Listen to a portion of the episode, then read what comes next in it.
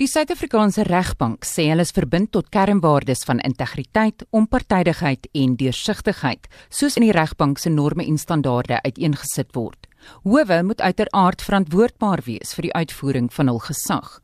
En om die verantwoordbaarheid te kan uitvoer, moet die howe se mag gebalanseer word teenoor die onafhanklikheid waarmee hulle moet handel.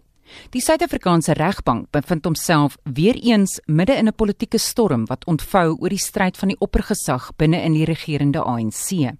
Regters en die regbank word die afgelope paar maande van korrupsie beskuldig dat sekere hofuitsprake nie in die belang van onafhanklike geregtigheid gemaak is nie, maar ook dat regters veral wanneer hulle persoonlike kostebevele toestaan, soos in die geval van die openbare beskermer advokaat Bosisiwe Mqobane, dit gedoen word vir politieke gewin.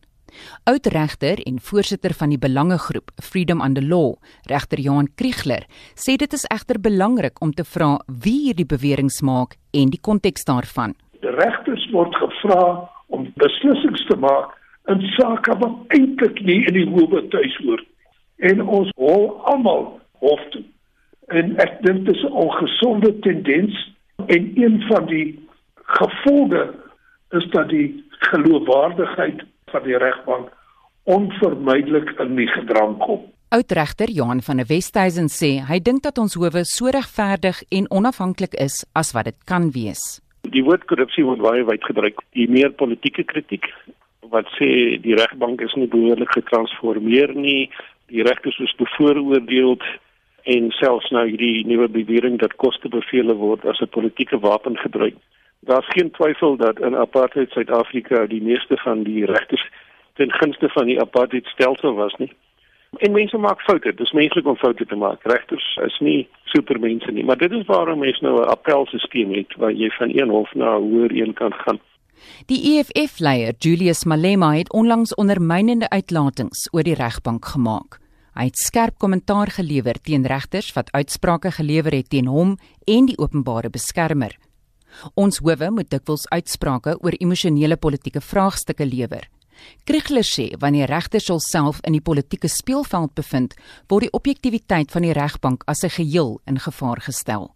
Dis ongelukkig so dat howe veral met betrekking tot die openbare beskermer skerp uitsprake gemaak het. Wat wel ter sprake is, is dat die regbank so onvergenoegd was met die handelswyse van die openbare beskermer dat persoonlike koste bevele gemaak is. En dis in daardie konteks wat daar nou refleksies gewerk word op die bewigtigheid van die regbank. Die koste bevele kan nie sommer gemaak word net omdat iemand 'n verkeerde besluit neem nie. En dit is nou wat die openbare beskermer self ook sê.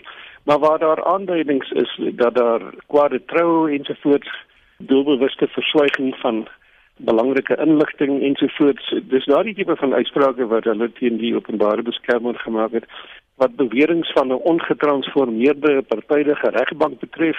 Aan die een kant is dit deel van 'n normale debat wat mense in 'n woelige demokrasie sal teekom. Aan die ander kant sou ek daardie nie op die oomblik te ernstig opneem nie. Oor die jare het talle regters op aanvalle van politici teruggekap oor die onafhanklike rol wat die howe speel maar die politieke atmosfeer het nou verskerp, veral in die lig van talle hofuitsprake teen die openbare beskermer as ook teenoor die EFF. Tot watter mate kan ons staat maak op die regbank om Suid-Afrika op die regte demokratiese pad te laat stap? Wat die afgelope paar jaar betref, het die regbank 'n uiters belangrike rol gespeel om ons op die regte pad te hou. Maar dit kan maklik verkeerd loop. In sommige van ons buurlande het dit verkeerd geloop. Van regters begin plase ontvang ensovoorts as gevolg van onwettige onteienings en so aan. Op hierdie stadium kan ons die howe vertrou sover ek weet. Natuurlik mag ons hulle ook kritiseer, maar ons moet alles dophou. Enige iets kan enige dag verkeerd gaan. Dit strek tot die regbank se oneer dat daar mense soos regterpresident John Slope is wat 10 jaar na daar uiters ernstige beweringe teen hom gemaak is, nog steeds op die regbank sit. Die regbank is nie totaal onskuldig in die verlies van sy openbare reputasie nie. Daar word verwag dat hoofregter Mogoeng Mogoeng môre middag in die media konferensie oor die aanvalle op die regbank sal praat. Ek is Estie de Klerk vir SAK nuus. En ons bly by die onderwerp en praat nou met die politieke ontleder professor Andre Dievenage van die Universiteit van Noordwes. Goeiemôre. Môre Anita. Jou reaksie. Wel, ek stem grootliks saam met wat die regters gesê het. Ek dink die regbank het voor bepaalde uitdagings te staan gekom, uitdagings wat verband hou met kapasiteit, vaardighede en so meer, maar om die stelsel af te skryf as korrup, ek dink dit is 'n bietjie ver gesog waar ons op die oomblik staan is dat die regbank gekonfronteer word met groot politieke uitdagings. En hier dink mense spesifiek aan die posisie van invloedryke politici.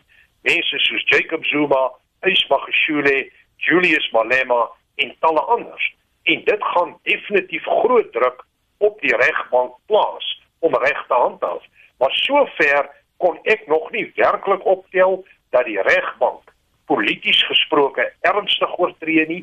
Trouwens mes kry amper die omgekeerde beeld dat in die tyd van meneer Ramaphosa daar baie sterk pogings is om jou artikel 9 instellings te herstel om kapasiteit te probeer vestig in die howe. Mens dink aan die rol van die nasionale vervolgingsgesag onder Shamila Batoy en ek dink die is almal positiewe ontwikkelinge. Wat wel 'n probleem is, is die politieke rolspel van die openbare beskermer, maar dit lyk tog vir my asof die regbank daar 'n bepaalde lyn gaan trek. Maar die groot toets vir die regbank lê in opsigte van sake waar Zuma, Magashule en Malema geïmpliseer word. Jy praat nou reg van invloedryke politici, jy het hulle name genoem, maar nou wil ek weet, gee die media hulle nie te veel aandag nie, hierdie gegal brakery wat dikwels op niks geskoei is nie.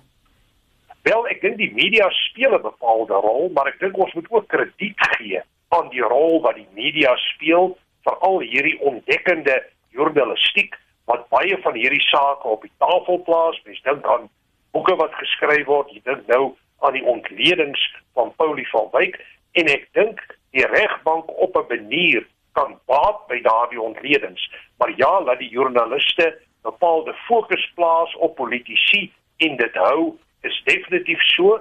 Persoonlik dink ek dat die regbank sover binne al die groter staatsinstellings redelik goed en effektief presteer het. Ek wil nie sê hulle is heeltemal sonder uitdagings nie. Ons is bewus van transformatiewe en ander eise, maar ek dink as instelling binne 'n relatief nuut gevestigde demokrasie doen die regbank goed en is die regbank 'n instrument van hoop vir baie Suid-Afrikaners om demokratiese waardes. Baie dankie en daai mening behoort aan professor Andrei Duvenage van die Universiteit van Noordwes.